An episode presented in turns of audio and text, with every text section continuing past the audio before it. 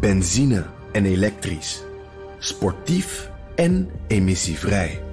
In een Audi plug-in hybride vindt u het allemaal. Ervaar de A6, Q5, Q7 en Q8 standaard met quattro vierwielaandrijving. Wat u ook zoekt, u vindt het in een Audi. Audi. Voorsprong door techniek.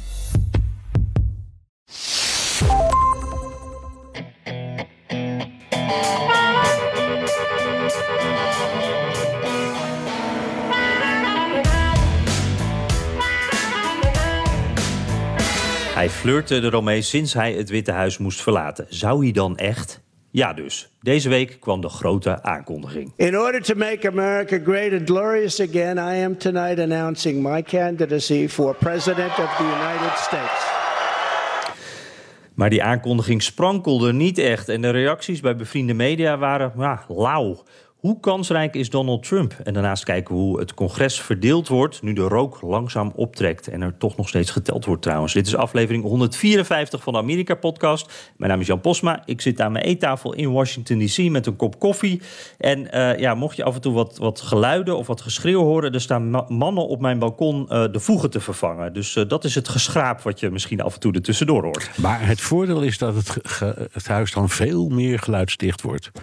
Ik Precies, ben, voor de ik, toekomst zit. Ik, ik ben Bernard Hammelburg vanuit de studio onder het toeziend oog van Jury. En ah, uit, uit, uit, die is ook weer. Uiteraard, ja. uiteraard ook aan de koffie. Ik zou het bijna vergeten, maar dat is toch Mooi. misschien wel het belangrijkste onderdeel van de hele podcast, toch?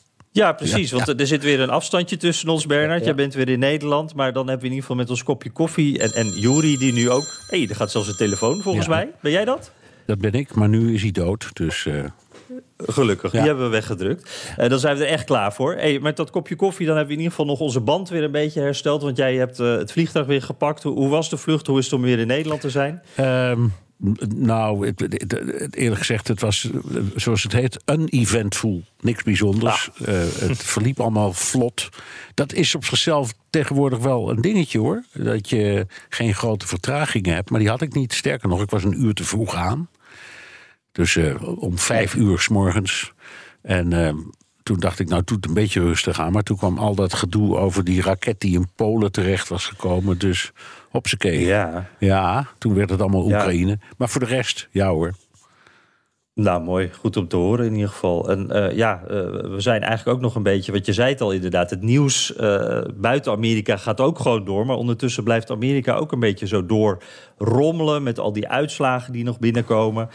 die verkiezingen zijn nog niet voorbij, eigenlijk. En, en natuurlijk die grote aankondiging, want daar stond hij... Donald Trump voor een paar honderd supporters en ook leden van zijn club op zijn uh, resort in Mar-a-Lago in de balzaal. Daar gebeurde het allemaal. Uh, deze keer geen goudkleurige roltrap, wel de bekende rode petjes en een bekende boodschap. Onder beiden was alles vreselijk, onder Trump ging het goed. Under our leadership, we were a great and glorious nation, something you haven't heard for quite a long period of time. We were a strong nation, and importantly, we were a free nation. But now we are a nation in decline. We are a failing nation. For millions of Americans, the past two years under Joe Biden have been a time of pain, hardship, anxiety, and despair. Ja, we waren een vrij uh, land. Nu zijn we een failing nation. En het is pijn en hardship onder uh, uh, Joe Biden. ja, het, het klonk mij eigenlijk maar al te bekend in de oren, Bernard. veel van hetzelfde. Hoe, hoe heb jij daarna ja, geluisterd? precies zo. Nou, ik, er vielen mij een paar dingen op toen ik daarna keek en luisterde. In de eerste plaats, ik vond hem zwak. Ik vond hem niet sprankelend zoals hij altijd is. Wat je ook van mm -hmm. de man vindt een man op die leeftijd die zo springlevend, sprankelend altijd is, uh, uit, uitdagend. Dat, het zat er niet echt in. Die tekst. Low energy, hè? Zou Low zelf zeggen. energy, precies, precies. En dan was natuurlijk de setting ook opmerkelijk. Je zegt het al in Mar-a-Lago. Nou, dat is dus voor een groepje uh, volgelingen, maar niet voor een stadion vol. Wat, wat hmm. we meestal zien met die rallies. Dus ik begreep ook eerlijk gezegd niet waarom hij het zo deed.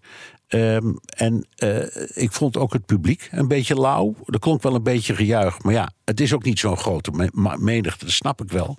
Ik vond het allemaal een beetje slap. En inhoudelijk, ja, het, het, zelfs in zo'n tamelijk korte aankondiging... kon ik er af en toe weer geen touw aan vastknopen. Dus wat dat betreft was hij wel, was hij wel weer consequent Donald Trump.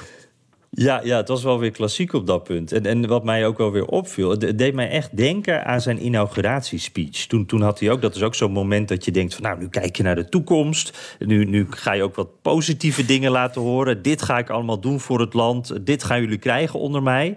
En, en toen had hij het ook over carnage en, en, en nou ja, alle ellende eigenlijk in Amerika. En dat deed hij nu eigenlijk weer een beetje. Hij schept een heel donker beeld voor de toekomst. In ieder geval voor de komende twee jaar onder Biden. Hij zei ook op een bepaald moment van... nou, uh, we hebben nu misschien niet keihard gewonnen bij de laatste midterms... maar het wordt de komende jaren nog veel erger... en dan gaan mensen echt wel anders stemmen. En toen, ik zat ernaar te luisteren en ik dacht... Poeh, de, weer dat donkere, weer dat zware. Ja.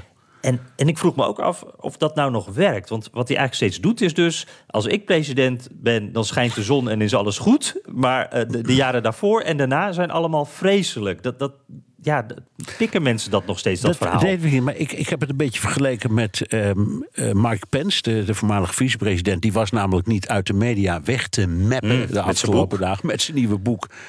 Uh, uh, wat was het ook weer? Een, een mooie religieuze titel.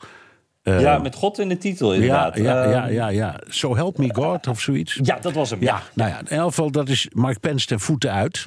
Uh, maar wat mij zo opviel in al die interviews die hij hield uh, voor radio, televisie en de kranten, was dat hij het omdraaide. Die zei: het land ging eigenlijk ging waardeloos onder, onder Obama en Biden.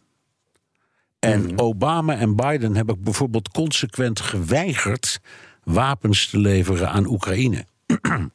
en pas toen team Trump-Pence aantrad, veranderde dat allemaal. Toen zijn we wel gaan kijken naar hoe we zo'n land in nood konden helpen. En toen ging het wel goed. Dus of dat nou allemaal klopt of niet, dat doet er helemaal niet toe. Maar ik dacht, als je dan al wil eh, laten zien dat je je verleden mee hebt en op grond daarvan een goede nieuwe president kunt worden, pak, pak het dan zo aan. Mhm. Dat was veel, veel slimmer. Dat vond ik echt een hele intelligente aanpak. Waarbij je ook de fact-checkers erbij had kunnen halen. Omdat inderdaad, het klopt dat onder Obama-Biden er aan Oekraïne veel te weinig is gedaan. Uh, het is gewoon een feit. En, en dan, dat, dat soort feiten omhoog halen, dat was voor mij, uh, ja, dat had hij moeten doen. Dus ik, ik, ik, ik heb met verbijstering eigenlijk zitten kijken naar het geheel. Ja, ja, ja. Maar, maar nog even dan over Oekraïne. Want je zegt van dat klopt wat Pence zei. Maar dan moet ik meteen denken aan dat telefoontje van Trump aan Zelensky. Waarin hij Zelensky onder druk zette. doe een onderzoek naar beide. En anders krijg jij uh, je wapenleveranties niet. Of, of de steun in ieder geval daarvoor. En ik meende mij te herinneren dat dat een maatregel was. Die, die steun voor Oekraïne. Die nog uit de Obama-jaren kwam. Ja, toch? Of zit ik nu verkeerd? Nou, dat weet ik niet helemaal zeker hoor. Het, ik weet, het kan zijn dat het besluit wel al was genomen. maar er was in feite nooit wat gebeurd. Althans niet op grote schaal. Sorry. En na die hele periode uh, van 2014, hè, toen uh, de, de inname van de Krim en, uh, en de mhm. Donbass, was de, zeg, de, Amerikaanse regering was niet heel erg actief met de kwestie bezig. Ehm, dus ik, ik het, maar het doet er ook helemaal niet toe. Het gaat mij meer om de aanpak van de presentatie mhm. van, een, van een kandidatuur. Dat is nogal wat. Op zo'n moment moet je schitteren. En je moet niet alleen maar roepen, jongens. Ehm, die andere die kan, het niks, uh, die kan er niks van, ik kom jullie redden. Je moet ook kunnen zeggen, ik kan aantonen aan de hand van het verleden dat ik heel veel belangrijke dingen heb gedaan. En dat, dat was helemaal de toon niet. Ik, ik, vond het, ik vond het een waardeloze vertoning. ja, nee, het, was een hele rare presentatie. en, en, en, en, gewoon journalistiek sprekend had ik mij er zeer op verheugd, Jan. Ik zat, echt, ik zat echt klaar, bij wijze van spreken, met de popcorn van kom maar op. Ja, ja maar goed, niet dus. Nee, ik hetzelfde. Want dan denk je ook namelijk... Eh, Trump is een showman. Die weet hoe het werkt. Die, die weet ook dat hij soms even wat extra's moet brengen. Het even een beetje spannend moet maken. En dat had natuurlijk de aanloop wel spannend gemaakt op zich. Met de, de, de aankondiging dat dit ging komen. Maar dan denk je toch op zo'n avond zelf van... nou, nu moet er ook wel wat... Uh, nu moet hij iets nieuws te vertellen hebben. En dat vond ik zo raar. Hij heeft nu drie serieuze campagnes uh, heeft hij gedaan. Of dit is een derde serieuze campagne. En het is eigenlijk ook voor de derde keer dezelfde campagne. Er zit helemaal niks nieuws in. Geen enkel nieuw plan. Nou ja, hij had dan iets over eh, wat kleine dingetjes. Ik geloof dat ze naar Mars moeten. En, en dan moeten de, de, regels voor, voor het stemmen moeten wat strenger. Dat soort dingetjes. Maar geen nieuwe visie. Het, het was gewoon weer eigenlijk een beetje opgewarmde prak. Als je het zo. Uh, het was weer hetzelfde. Ja. ja, ja. Het, het is geen visie. Dat is eigenlijk. Nee, nee, precies. Dus dat, uh, nou, dat, dat een beetje of heel erg een gemiste kans. Um, hey, en het, het, was, jij noemde het al eventjes, zo weinig energie zat erin. Ik vond het ook echt vreugdeloos. Um, iets waar ik veel heb gehoord, ook de afgelopen dagen, veel speculatie van wil Trump nu wel? Hoe zit dit nou? Waarom doet hij dit? Staat hij er wel helemaal achter? En ja, wij kunnen natuurlijk niet in zijn hoofd uh, kijken, maar ik moet dan altijd, als het daarover gaat, denken aan Maggie Haberman, hè, die bekende New York Times journaliste, die Trump beter kent dan wie dan ook. Die, die, die, uh, nou, die heeft alle inside scoops, die komen bij haar vandaan. Um, en die kreeg die vraag ook een keer eerder. Zij heeft een boek geschreven. En uh, toen werd er ook gevraagd: van wat gaat Trump in uh, 2024 doen? Gaat hij runnen? En toen had ze een heel goed antwoord op die vraag. I think he has backed himself into a corner where he has to. I think that. What, what corner? The corner is he wants attention, he wants to fundraise, and he's under investigation. And he wants to be able to say the investigations are witch hunts, and he would love to have the constitutional armor the presidency affords him back. So I don't think his heart is particularly in it. He doesn't seem to be enjoying himself with politics the way he once did. Uh, now, maybe that will come again. But I do think at the moment, I think he will run. It doesn't mean he will stay in the whole time, but I do think he will announce a candidacy. Ja, en ik vond, van twee dingen interessant. Want zij geeft dus duidelijk aan van de, de juridische problemen van uh, Trump die spelen voor hem mee. Hij wil de, dat extra harnas van het presidentschap ook hebben om hem te beschermen daartegen. En zij zegt dus ook van ja, hij, hij heeft zichzelf een beetje in deze hoek gemanoeuvreerd. Hij kan eigenlijk niet anders, maar zijn hart zit er niet echt in. En dat dacht ik wel te zien ook uh, bij die aankondiging. Ja, ja ik vind. Um ik, ik, nou, ik, luister altijd uh, naar haar uh, analyses. Ik vind ook deze weer voortreffelijk in twee zinnen zo duidelijk maken wat er in het hoofd van die man uh, omgaat. Het deed mij denken, Jan, we hebben het er in het verleden wel eens over gehad, aan het moment waarop George Bush 1 de politiek verloor. Dat was in een, in een debat verkiezingsdebat met Bill Clinton, die toen de democratische tegenstander was en uiteindelijk ook heeft gewonnen. En in dat debat keek Bush halverwege op zijn horloge. Mm-hmm. Nou, nou, nou zei iedereen achteraf waarschijnlijk keek hij alleen maar omdat hij boos was dat Clinton veel meer tijd gebruikte dan hem was toegestaan. Mm-hmm. Maar het leek alsof hij daar weg wilde zijn, daar eigenlijk niet wilde zijn. Mm-hmm. uh, en heel veel uh, nou ja, mensen die analyses doen en die kijken naar non-verbale communicatie en dat soort dingen. Die zeiden de volgende dag ook in de media: deze man wil helemaal geen president blijven.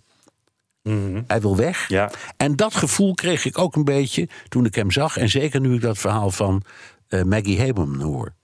Ik denk, ja, ja zo, zo zat het. Hij wil eigenlijk niet.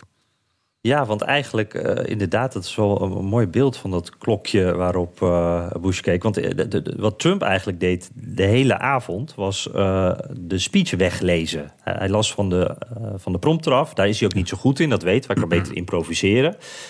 voor grote voor, voor, voor, echt veel mensen ook. Hè. Als er een groot publiek is, dan komt hij gewoon beter uit de verf. Dus eigenlijk was dit, wat jij ook zei, dit een hele rare keuze voor hem om uh, te lanceren.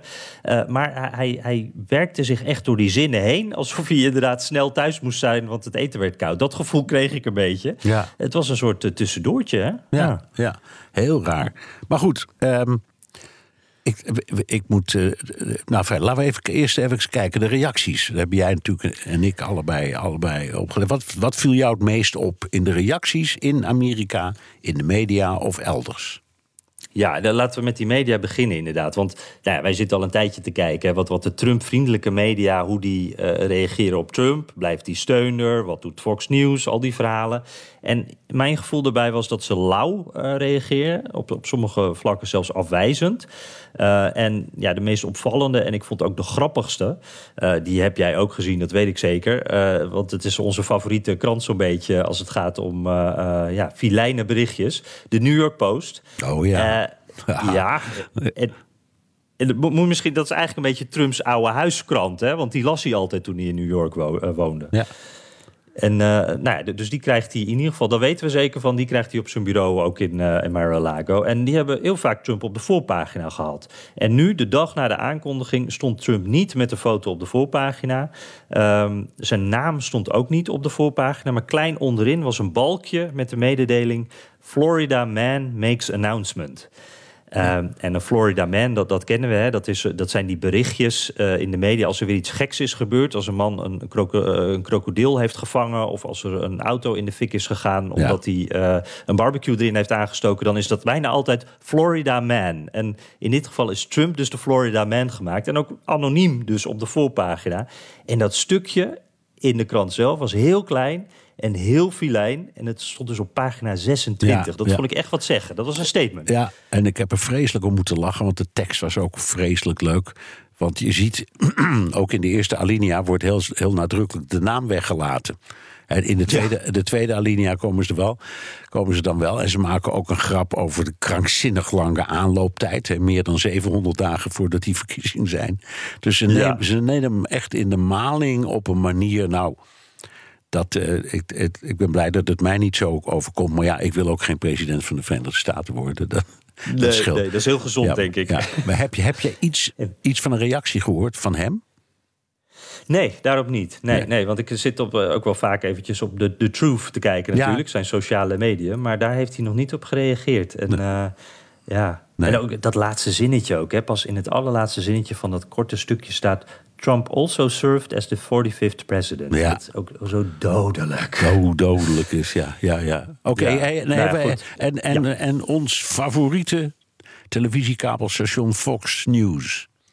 Ja, precies. Want ik, ik vond uh, New York Post was de leukste... maar we moeten niet de invloed daarvan overdrijven natuurlijk. En Fox News is wel de zender waar half Amerika in ieder geval naar kijkt. En wat me daar... Er vielen me een paar dingen op. Um, de eerste was...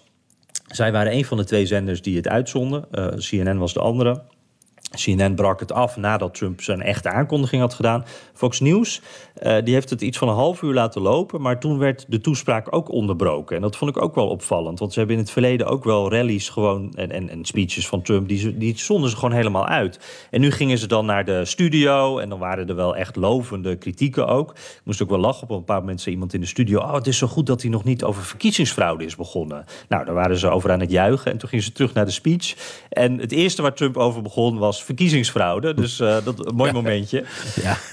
Uh, maar goed, ze, ze, vonden het dus zelf denk ik ook wat te saai. Want dat Fox News, wij kijken altijd van... Uh, nou, blijven ze achter Trump staan, dat is heel belangrijk. Maar ik denk dat Rupert Murdoch, ik ben benieuwd wat jij ervan vindt... ook heel erg duidelijk kijkt naar de kijkcijfers. Als hij ziet dat mensen niet meer zo achter Trump staan... dan denkt hij, ja, dat, dat scoort ook niet zo voor mijn zender. Dus dan ga ik van mening veranderen. Ja, ik, ik, ik weet, ja. niet, ik weet niet of Rupert Murdoch het in, tot in zulke details bepaalt.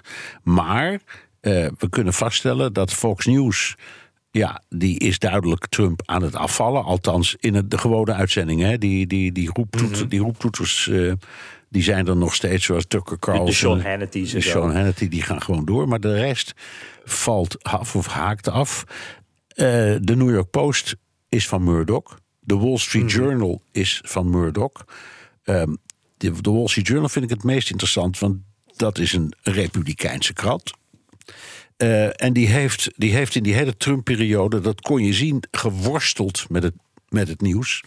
Maar die zijn nu ook heel duidelijk. Dus, uh, die zijn ja. Heel, heel, ja, dus je kunt zeggen dat de, de, de Murdoch Media, de belangrijkste, de serieuze kant, de Wall Street Journal, de roddelkant, uh, de New York Post en het belangrijkste nieuwsstation Fox News, dat die allemaal nou ja, afscheid nemen. Voor mijn gevoel zijn ze gewoon afscheid van hem aan het nemen en kijken vooruit, wat ik ook heel verstandig vind trouwens, uh, mm. naar uh, wat er nu met die Republikeinse Partij gaat gebeuren. Iedereen kijkt natuurlijk naar gouverneur DeSantis van Florida. En dat doen zij ook. En eerlijk gezegd, gelijk hebben ze. Ja, ja, ik snap het ook wel. Ik moet wel zeggen, ik heb dus wel steeds het gevoel hierbij je ziet soms ook de twijfel, dat ze nog een beetje op zoek zijn van wat vinden wij eigenlijk. En dan moet ik ook nog wel weer een keertje aan 2015 denken en, en, en de campagne toen en, en, en ook daarna nog wel een paar keer. Dat we dachten van wacht even, dit zou het moment kunnen zijn. Neemt Fox News afscheid van Trump of, of nou, al die kranten die je net noemt. Uh, en, en dat ze dan toch weer ook weer terugkwamen. En nou, ik ben benieuwd of we dus nu het, het, point of no return al gehad hebben. Of dat we ook langzaam weer eens een beetje teruggekrabbeld wordt straks. Als Trump dan toch de, de, de ja, de Republikeinse kandidaat wordt, zou worden. Dat, ja. ja, ja. we gaan het zien. nou, we hadden pas geleden in uh, naar de Wereld als gast Paul Verhagen. Die is, zoals je weet, hmm. Uh, een goede Amerikanist, maar die is ook een goochelaar met cijfertjes. Hè. Die weet echt zeker. alles van cijfertjes. En die zei iets heel slims. Die zei: uh, als, als er voorverkiezingen komen, dan heb je een vette kans dat Donald Trump die wint, want daar heeft hij wel voldoende stemmen voor. Maar als er algemene verkiezingen komen, dan, dan redt hij het nooit tegen een democraat. Daarvoor mhm. is dat aantal, eh, ik zal maar zeggen, vaste aanhangers nu te gering. En dat moeten natuurlijk de Republikeinen ook denken nu. Mensen die, mhm. die partij denkt over dit soort dingen en probeert de strategie uh, uit te stippelen. Dus laten we eerst eens kijken. Wat, wat hoorden wij nu? Wat heb je gehoord, opgepikt van, uh, laten we zeggen, kopstukken, prominente republikeinen? Ja, wat mij daar opvalt, ten eerste, ik denk dat uh, dit de meeste kritiek is die Trump eigenlijk misschien wel in zijn hele presidentschap en zijn vorige campagne ook gekregen heeft. Sinds het moment dat hij zeg maar de, de kandidaat voor de Republikeinen was. Dus dat sowieso. Maar wat mij ook wel opvalt is dat de echt prominente Republikeinen. Die houden zich nog een beetje stil, houden zich een beetje op de vlakte. Die spreken zich niet enthousiast voor Trump uit. En dat is denk ik ook een teken, want anders hadden ze dat in het verleden dat al lang gedaan. En uh, dat de, meeste, ja, de mensen die we het meeste horen, dat zijn nog wel een beetje de usual suspects. Echt de, anti-Trumpers. En dat zijn ook vaak wat mensen die wat verder van uh, Washington afstaan. Dus wel echt prominente, maar bijvoorbeeld gouverneurs, die ook ietsje makkelijker met wat afstand daar wat over kunnen zeggen.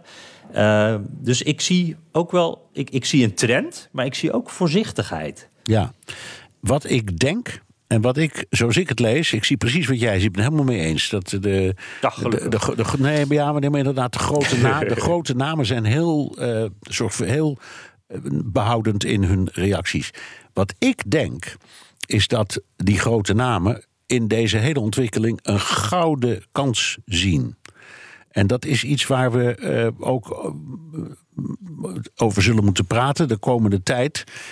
Mhm. Als Trump zichzelf als het ware, nou ja, ehm, het klinkt oneerbiedig, maar als hij zichzelf politiek doodloopt hè, in deze race, mhm. omdat blijkt dat er toch te weinig echt enthousiasme is, of dat dat enthousiasme zich te veel beperkt tot de usual suspects. Um, dan zal de partij dat aangrijpen om te zeggen, zoals bijvoorbeeld Mike Pence dat heel elegant deed. Hij wordt erom gekritiseerd dat hij uh, Trump niet uh, wil afvallen. Maar dat is logisch, want het was zijn vicepresident. Al heeft hij op het laatst um, hem verraden, zal ik maar zeggen. Maar toch, uh, hij was medebeleid. maar die zegt dus. Ik, ik zou het prachtig vinden als hij zich weer kandidaat stelde. Maar ik kan mij voorstellen dat er betere kandidaten zijn. Mhm. Nou, dat is een hele elegante manier om te zeggen. Ik denk dat hij daarmee verwoordt wat in de Republikeinse Partij leeft. Namelijk, als wij dit op een, de komende twee jaar gebruiken, anderhalf jaar, eh, eh, om, om dit op een beetje fatsoenlijke manier, om dat hele beeld een beetje te laten kantelen, dan mhm. geeft dat eh, ons de, de mogelijkheid om de Republikeinse Partij een beetje terug te brengen naar wat het was. Een conservatieve, uh, maar ook wel creatieve en ook wel nationalistisch voelende partij. Zonder al die uh, vreselijke ja, strapatsen die daar nu plotseling aan vast zijn gekleefd. Het is volgens mij een gouden kans voor de partij om zichzelf opnieuw uit te vinden. En dat kan met uh, Ron DeSantis, maar het kan ook met allerlei andere mensen. Het kan ook met, met Mike Pence. Dat doet er even niet toe, daar gaan we ook niet over. Maar dat zijn toch, dat is toch het soort mensen die, wat gedachtegoed betreft, niet zo ver van Trump afstaan. Maar toch meer hechten aan ja, wat die Republikeinse Partij traditioneel is. Een, mhm. een, een, een anti-Washington. Uh, conservatieve beweging die uh, heil vooral zoekt in, in uh, de, het eigen beslissingsrecht van de individuele staten. Nou, daar is, daar is ruimte voor in deze democratie. Dus ik vind het allemaal zo slecht niet hoor, wat gebeurt. Ik vind het fascinerend.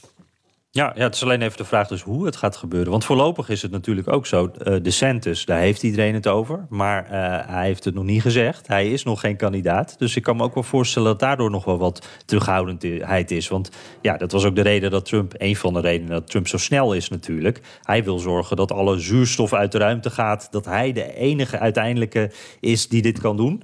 Uh, omdat gewoon alle aandacht naar hem gaat. Ja, er moet eerst een alternatief komen... voordat je ook echt tegen Trump kan keren, ja, denk ik. Maar die verkiezingen zijn over twee jaar. I know, en, het wordt een hele lange sprint. Dus, dus, als jij nou de centus bent en ik adviseer je... en jij zegt, ja. ik heb belangstelling, ik wil best... dan zou ik echt mijn uiterste best doen om jou ervan te weerhouden... om dat te snel aan te kondigen. Zeggen, laat maar lekker gaan. Laat, laat maar gebeuren. Laat, dat, laat die zuurstof maar worden weggezogen. Want uiteindelijk hebben wij betere kaarten en dus een grotere kans. En dus gaan we dat mogelijk maken. Bovendien, op het moment dat je je kandidaat stelt, val je onder de federale regels voor geldinzameling. Hmm. Um, dus allerlei dingen kunnen en mogen niet meer. Ook niet handig. Nee, uh, en, dan, en dan is er een gouden regel: je moet nooit te vroeg willen pieken. Dus ik denk dat dat hele snelle aankondigingen uh, aankondigen als een soort tactiek om anderen te weerhouden, averechts werkt uiteindelijk. Die anderen die ja. willen, die wacht rustig af tot het moment goed genoeg is. Tot, tot, tot, ja, tot, bij wijze van spreken die partij echt klaar is met Trump. en ook over iets anders wil praten. en de toekomst wil praten. dan moeten ze erin springen. Ja, ja, ja, eigenlijk wat Trump dus doet, bedenk ik nu, is zorgen dat dat gesprek, of dat probeert hij, omdat dat gesprek niet gevoerd kan Precies. worden. Hij wil gewoon zorgen dat de aandacht. Maar ja, ja hou die aandacht maar eens twee jaar lang vast. Precies. Uh, ja. ja. Hey, en, en ja, even concluderend dan. Hè. Het, het, uh, Trump lijkt mij is zeker een kanshebber. We moeten hem wat mij betreft echt niet afschrijven. Maar uh, dit is misschien wel... Hij is denk ik nog nooit... Heeft hij zo ver op achterstand gestaan aan het begin van zijn strijd. Uh, om het even zo te zeggen. De, de, dit wordt echt wel een harde dobber voor Dat hem. wordt hem. En ik denk inderdaad... Ik denk nog even aan die, die stelling van uh, Paul Verhagen. Hij heeft waarschijnlijk voldoende stemmen om voorverkiezingen te winnen, maar niet om de presidentsverkiezingen te winnen. Mm -hmm. Hele interessante. Uh, ik denk dat het zo uh, echt wel aardig is uh, geschilderd. Dus het wordt hartstikke spannend. En ook weer leuk, want we, hebben, we gaan best een spannende twee jaar tegemoet, toch? Ja, zeker. Er gebeurt weer genoeg. Ja, ja. Dus hey, af, aflevering 500 van de Amerika-podcast komt alweer in zicht. Ja, precies. Met weer een aankondiging van Trump. Ja. Uh, hey, en, en je zou het bijna vergeten, maar we, hebben, we zitten nog midden in uh, de nasleep eigenlijk van de verkiezingen. Hè? Er is wel wat gebeurd sinds de vorige keer uh, dat, dat we een podcast opnamen. Um, we weten inmiddels dat het Huis van Afgevaardigden ook definitief naar de Republikeinen gaan, gaat. Zij hebben de 218 zetels gisteravond binnengehaald. Uh, eerder hadden we de Senaat natuurlijk ook al, uh, die de Democraten behouden. Maar even dat huis, hè.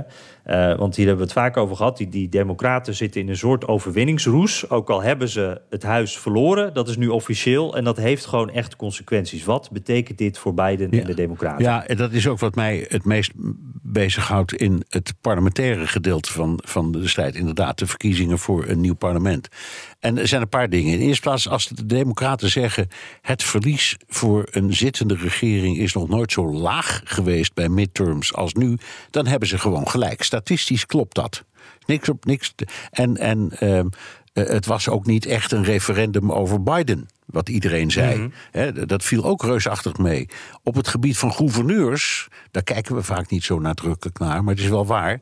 Is de winst voor de Democraten veel groter geweest dan in hun stoutste dromen. Dus mm-hmm. het zijn allemaal hele belangrijke dingen. Maar het Huis van Afgevaardigden is toch het belangrijkste gremium. In sommige opzichten zelfs spannender dan de Senaat. Want de Senaat houdt zich vooral bezig met benoemingen, met buitenlands beleid, met dat soort dossiers. En geld. Daar hebben ze ook nog een luisteraarsvraag over. Hè? Komen we zo nog even terug. Oh, daar komen we ook. Oké, okay. oh fijn. Ik verheug, ja, ja, ja. Ik, verheug ik me op. uh, maar uh, de, het Huis van Afgevaardigden traditioneel gaat over geld. En de president van de Verenigde Staten heeft van alles en nog wat, maar geen geld. Elke cent die hij wil uitgeven, daarvoor moet hij toestemming vragen aan het parlement. En eerste instantie altijd aan het Huis van Afgevaardigden. Uh, en bij zo'n wissel, zoals nu. Uh, het huis bestaat uh, uit, uit 435 leden, maar die maken allemaal deel uit van commissies. Commissie Justitie, Commissie Buitenlandse Zaken, Commissie, noem het allemaal maar op. Hè. En alle voorzitters van al die commissies worden nu republikeinen. En de het stempel die die voorzitters van die commissies drukken op de politieke gang van zaken is enorm. En wat dat betreft, uh, dat heb je ook gezien, want de, de Democraten hebben ook met een minimale meerderheid uh, de afgelopen twee jaar laten zien wat dat betekent. Bijvoorbeeld met de 6 januari-commissie. Dat was niet mogelijk geweest hmm. als de Republikeinen het voor het zeggen hadden gehad. Dus ik denk de macht in dat huis, hoe klein ook, is nu echt in handen van de Republikeinen. En, en, en eh, ik zou zeggen tegen Biden, riemen vast. Want er komt een hoop aan. Er komt, er komt een onderzoek tegen Hunter Biden, zijn, uh, zijn zoon. Er komt misschien een impeachmentpoging. Er komen, er, komen, er komen enorme toestanden over de begroting. Misschien het terugdraaien van belastingmaatregelen. Ga ze maar door. Het wordt heel lastig. Um, En uh, uh, dat de Senaat hem dan steunt, nou, dat, dat, dat zal wel. Maar het moet allemaal eerst door dat huis. En nogmaals, alles wat met geld te maken heeft, ook steun aan Oekraïne. Hè? Daar heeft de nieuwe speaker Kevin McCarthy al voor de verkiezingen toespelingen opgemaakt. Mm. Van dat gaan we toch nog allemaal rustig bekijken. Of we wel zo met geld moeten blijven smijten en met wapens. Dus ja, dat moet je niet onderschatten. Dus ik denk dat de, de, de, de Democraten iets, iets te, te opgeruimd doen met een op zichzelf best goed resultaat. Ja, denk ik ook. Want je kan eigenlijk zeggen, de, de, de deur van de Senaat is een beetje verder open gegaan voor ze. Want ze hebben een iets grotere meerderheid. Maar die van de, uh, het Huis van Afgevaardigden, die deur is dicht gegaan nu. Dat, dat is gewoon een probleem. Ja, dat is gewoon een probleem. En dat, nou, dat gaan ze echt vanaf, uh, wanneer is het? 3 januari wordt ze geïnstalleerd. Nou, ik denk diezelfde avond dat je al de eerste anti-Biden-kreten hoort, politiek. En, en, onder, en onderzoeken en samenstelling van uh, commissies. Om, ga zo maar door. Hetzelfde da, spel. Daarover, Bernard. Ja. Uh, ik, want uh, vlak voordat wij uh, elkaar belden, toen kreeg ik een alertje van Fox News. Dat ging over Hunter Biden. En ik kijk nu eventjes breaking news op de site van Fox News. Is he compromised? Met een foto van een lachende Biden en een geschrokken Hunter Biden erbij. House GOP claim President Biden was directly involved in Hunter's business dealings. Dus ja. daar is hij. Dit is de eerste aankondiging. dat onderzoek gaat er gewoon komen natuurlijk. Ja dat onderzoek gaat komen. Overigens, ik, eh, ik, ik, ik juich dat toe, want we moeten zo langzamerhand eens weten wat zich echt heeft afgespeeld. Dus laten ze vooral hun gang gaan. Maar dit soort dingen gaat inderdaad gebeuren. Ja, ja dan gaan we eh, zo praten over het congres. Uh, we hebben hele interessante luisteraarsvragen der, daar nog bij. Maar we onderbreken de Amerika-podcast eerst even voor een heel belangrijke mededeling. Benzine en elektrisch. Sportief en emissievrij. In een Audi plug-in hybride vindt u het allemaal. Ervaar de A6, Q5, Q7 en Q8 standaard met quattro vierwielaandrijving. Wat u ook zoekt, u vindt het in een Audi. Audi. Voorsprong door techniek. Ja, zullen we naar de luisteraarsvragen gaan? Die zijn welkom via de mail of via de Amerika Podcast WhatsApp. Daar kun je je vraag of opmerking ook inspreken. Het nummer is 0628135020. Ja, en uh, hou ze zoals altijd de voiceberichtjes en de gewone berichtjes, de appjes, alles uh, een beetje beknopt. Hoeven wij er niet in te knippen.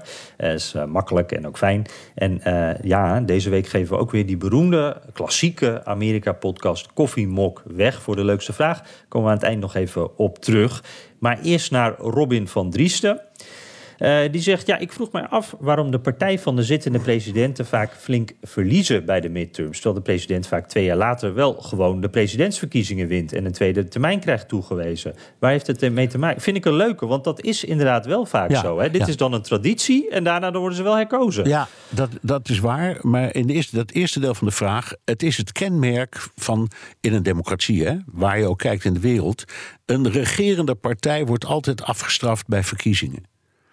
Dat is een soort mhm. axioma. En dat is ook logisch omdat als je in de oppositie bent, dan kun je allerlei dingen roepen zonder dat het echt consequenties heeft.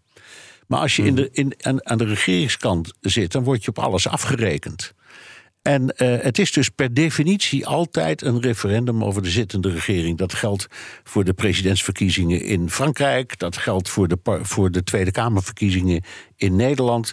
Je ziet altijd een soort van afrekening. En je ziet vaak dat regerende partijen wat verliezen.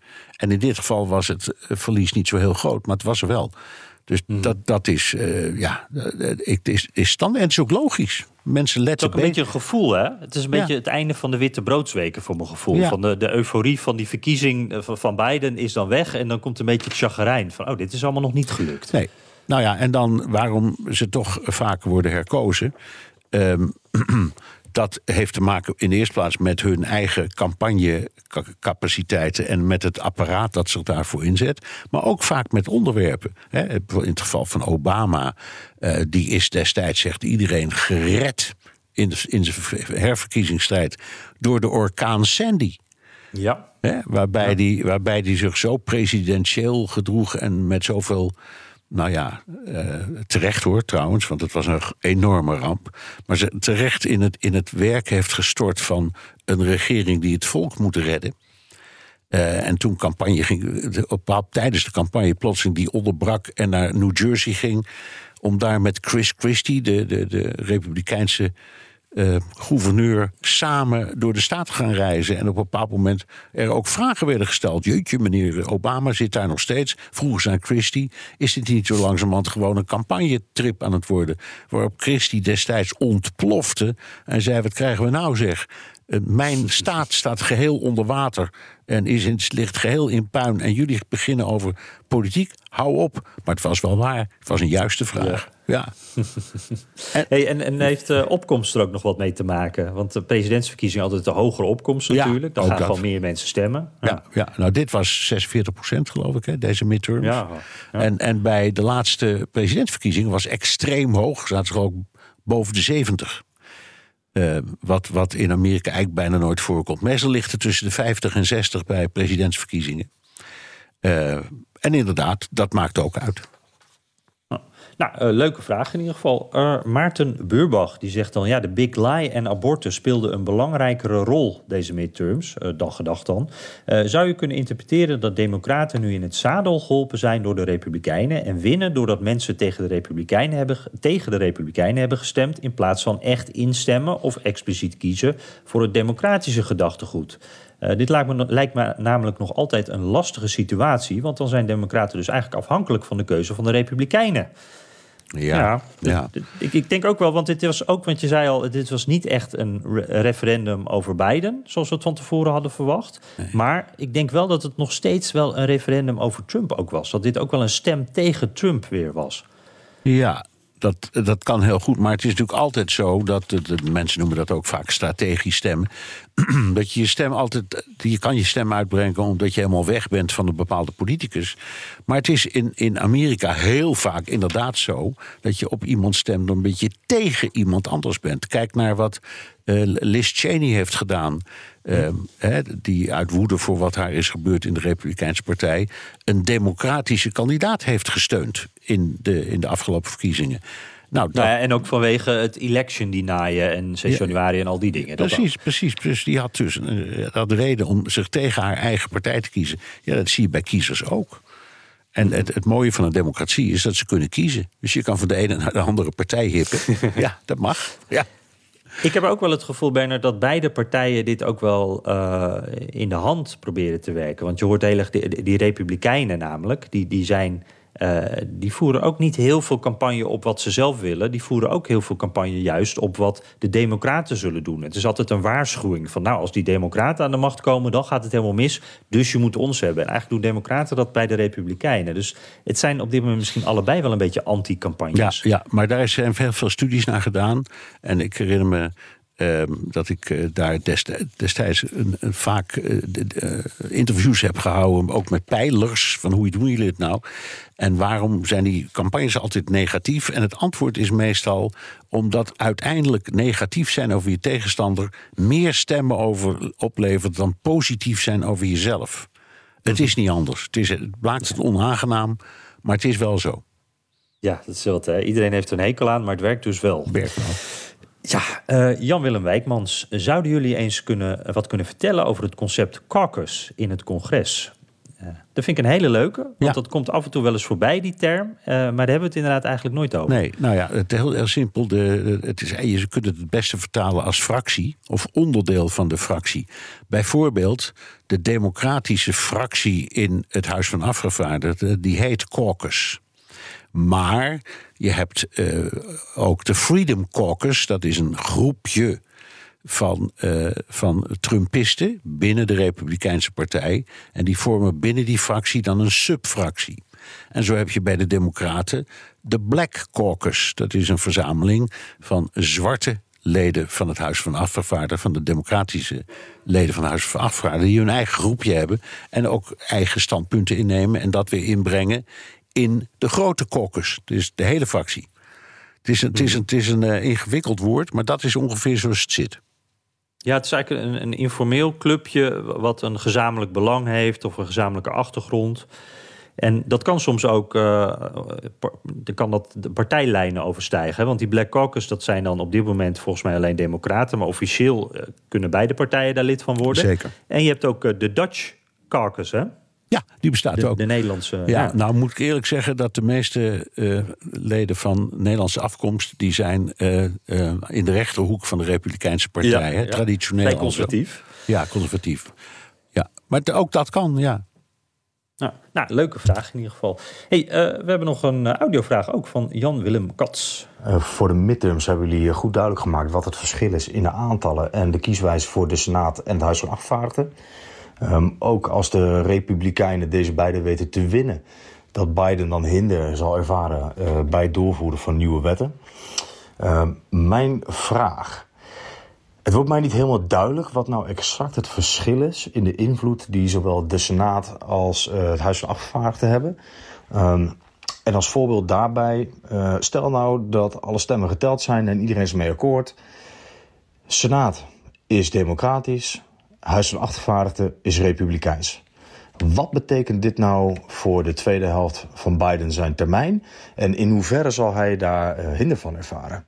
Nou, die, die hinder hebben we denk ik al wel besproken. Maar het is misschien toch wel goed om nog even één keer op een rijtje te zetten... wat je eerder ook al deed, van wat is nou het verschil tussen de huis en, het Huis en de Senaat? Ja. Want de, de vergelijking die ik vaak hoor dan... oh, het is een beetje als de Eerste Kamer en de Tweede Kamer in Nederland... maar dat is het ook niet helemaal, hè?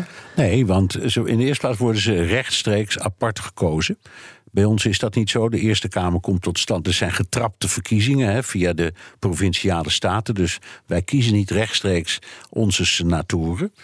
Um, en uh, bij ons is de, de, Eerste Kamer wat ze vaak noemen de chambre de réflexion. Dus daar, daar is, speelt politiek een iets minder grote rol. En gaat het wat meer echt om het staatsbelang, het landelijk belang. Dus senatoren in Nederland hebben de neiging om uh, ja, ik zeggen, wat minder opgewonden te zijn en zich meer te laten leiden door het belang van het land dan voor het partijbelang. Niet altijd hoor, maar toch. Mm. Terwijl in Amerika zijn het twee huizen die apart worden gekozen en ook uh, de, allebei de macht hebben om uh, wetgeving aan te nemen of te verwerpen of te ontwerpen. Hè. Dat, dat zijn dan initiatiefwetten, dat komt ook heel veel voor. Um, en om een wet wet te maken, moet die, net als bij ons, wel door allebei die huizen. Dus in zoverre verschilt het niet.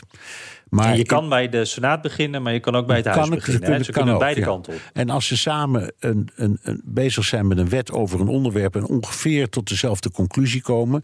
dan moet dat niettemin terug naar, dat heet dan een, een House-Senate Committee... En uh, die gaat dan die twee wetsontwerpen te, uh, tegen elkaar houden om te zorgen dat er één tekst komt.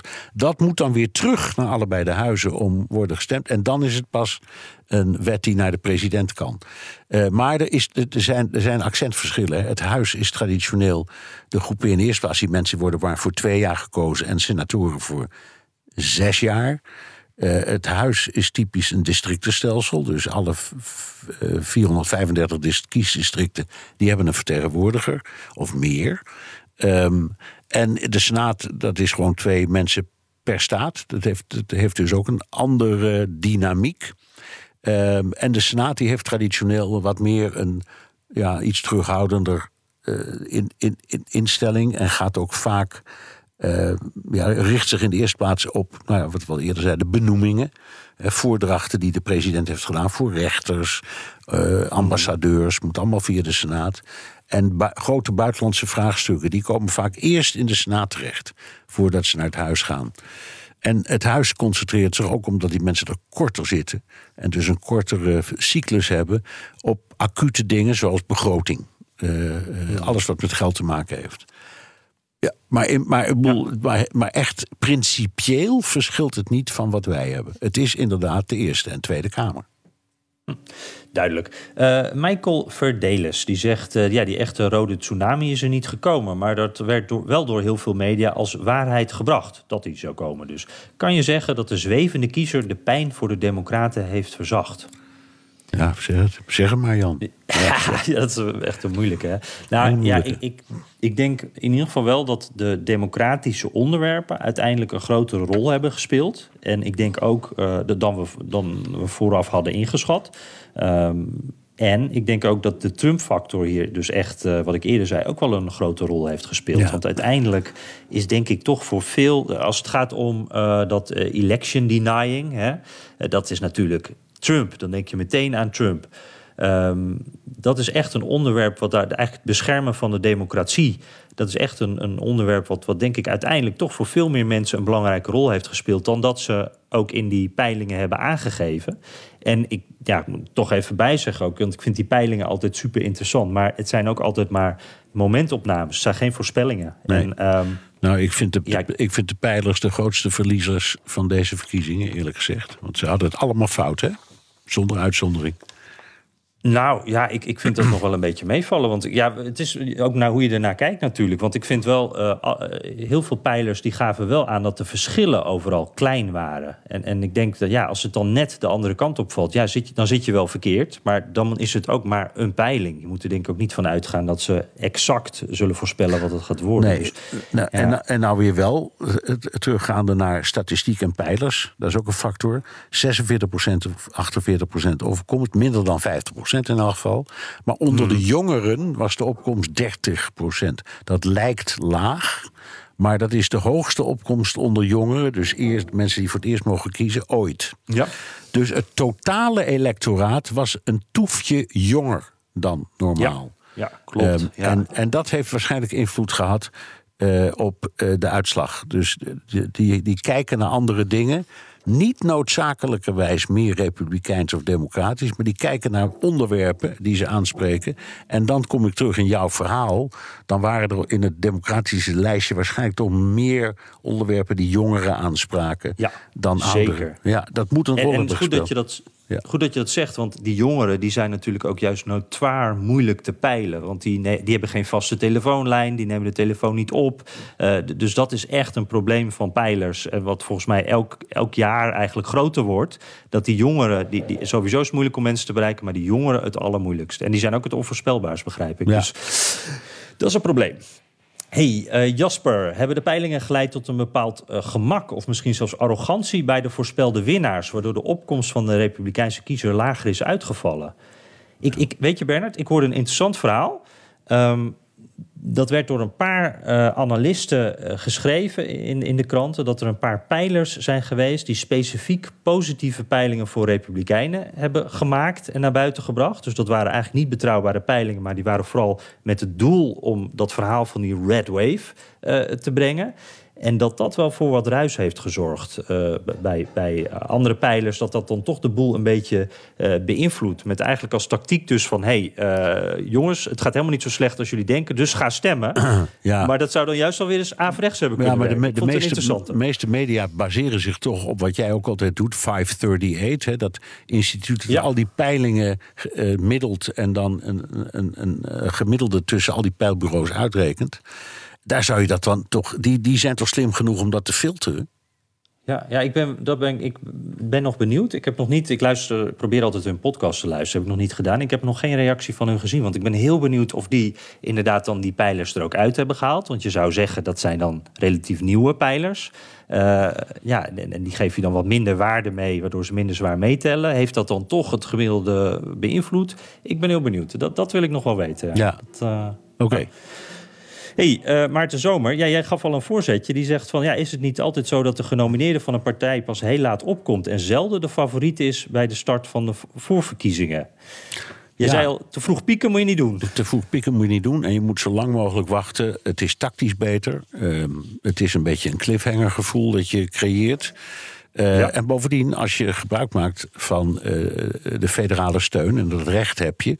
dan moet je ook aan de regels houden vanaf het moment dat je kandidaat bent. Dus dan mag je niet meer onbeperkt geld inzamelen. Er zijn allemaal maxima aan. En er is behoorlijk streng toezicht op.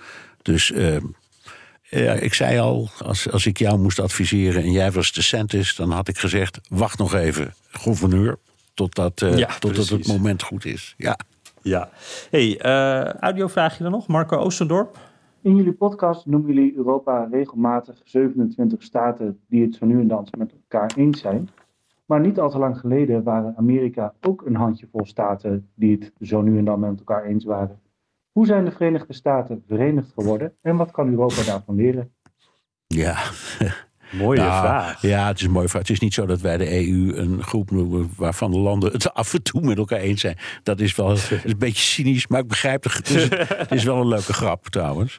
En de, de, de, de vergelijking is heel interessant. Want we praten wel eens over de Verenigde Staten van Europa.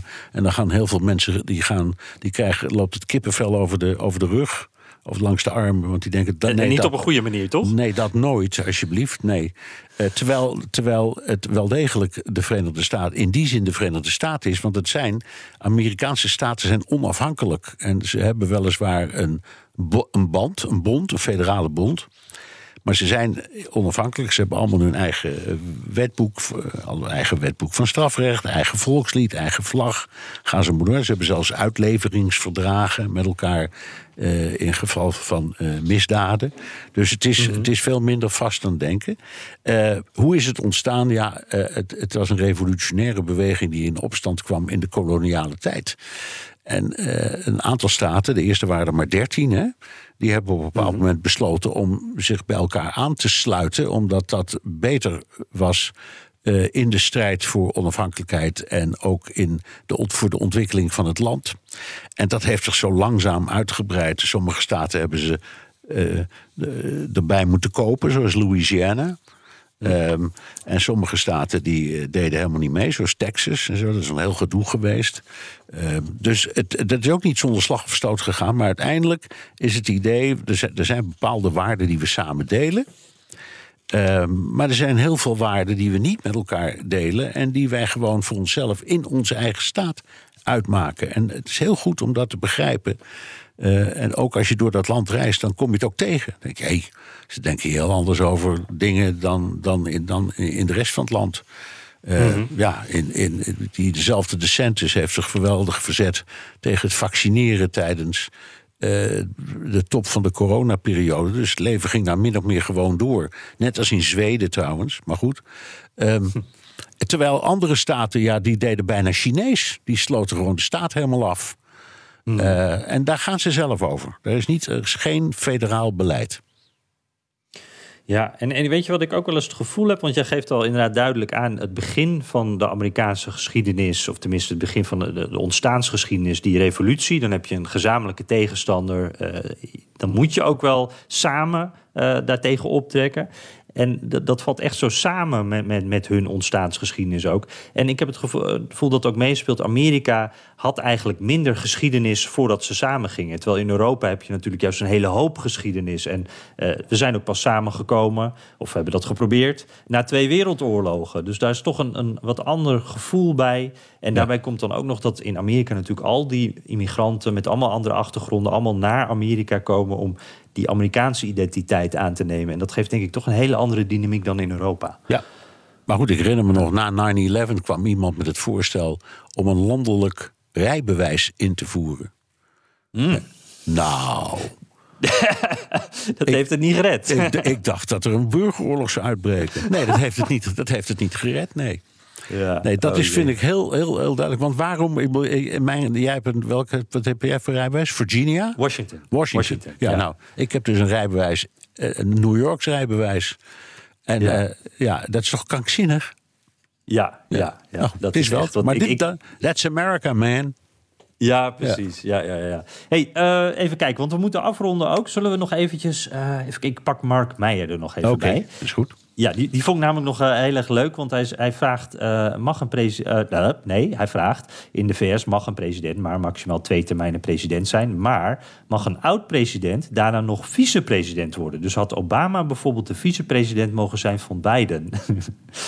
um, ik, ik moest even googlen, Bernard. Ja, ik, vertel. ik weet niet hoe jij... Uh...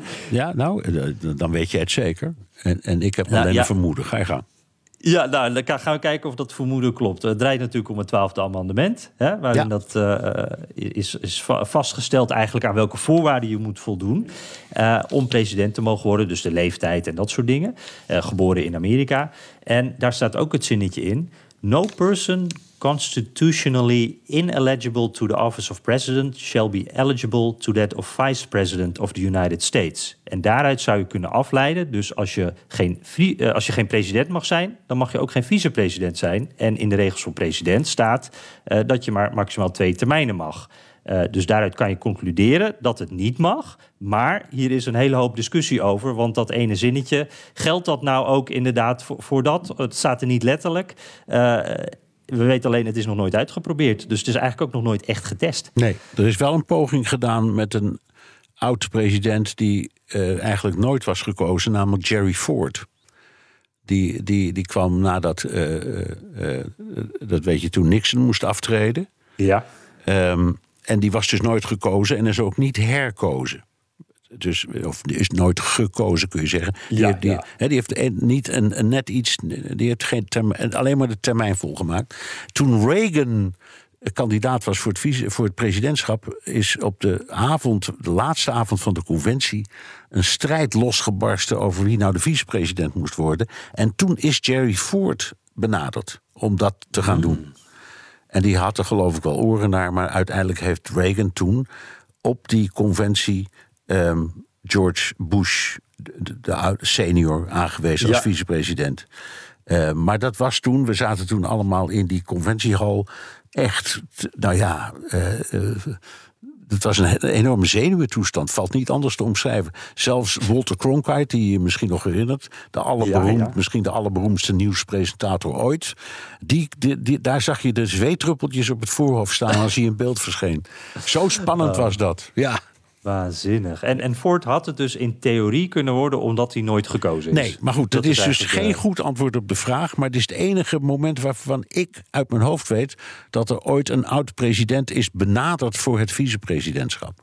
Ja, hey, ik vond dit, eh, ik, dit zorgde ervoor dat ik echt op een, eh, een Google-zoektocht ging van hoe zit het nou eigenlijk ook alweer precies. En eh, ik vond hem heel erg leuk. Dus ik zou zeggen, Mark Meijer, wat mij betreft gaat de mok naar jou deze week. Jij moet een vliegtuig halen, ik moet een trein halen. Dus eh, laten we afronden. Oké, terugluisteren kan via de BNR BNR-site, Apple Podcast of Spotify. Heb je vragen, opmerkingen, kritiek of complimenten... dan kan dat ook met een tweet naar Jan Posma USA of BNR De Wereld... of heel ouderwets met een mailtje naar dewereld.bnr.nl. En je kunt ook je vraag inspreken of intikken op de Amerika Podcast WhatsApp 06 28 13 50 20. En welk platform je ook kiest, zet behalve je naam ook je adres in de tekst. Ja, want dat heeft eh, Mark ook gedaan. En daardoor kunnen we die fantastisch mooie klassieke Amerika-podcast mok eh, naar hem toesturen. Ehm nou, dat was hem voor deze week. Eh, Bernard, tot volgende week. Tot volgende week.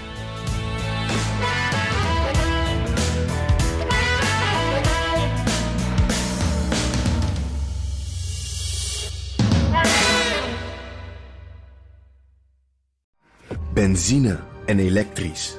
Sportief en emissievrij. In een Audi plug-in hybride vindt u het allemaal. Ervaar de A6, Q5, Q7 en Q8 standaard met quattro vierwielaandrijving. Wat u ook zoekt, u vindt het in een Audi. Audi. Voorsprong door techniek.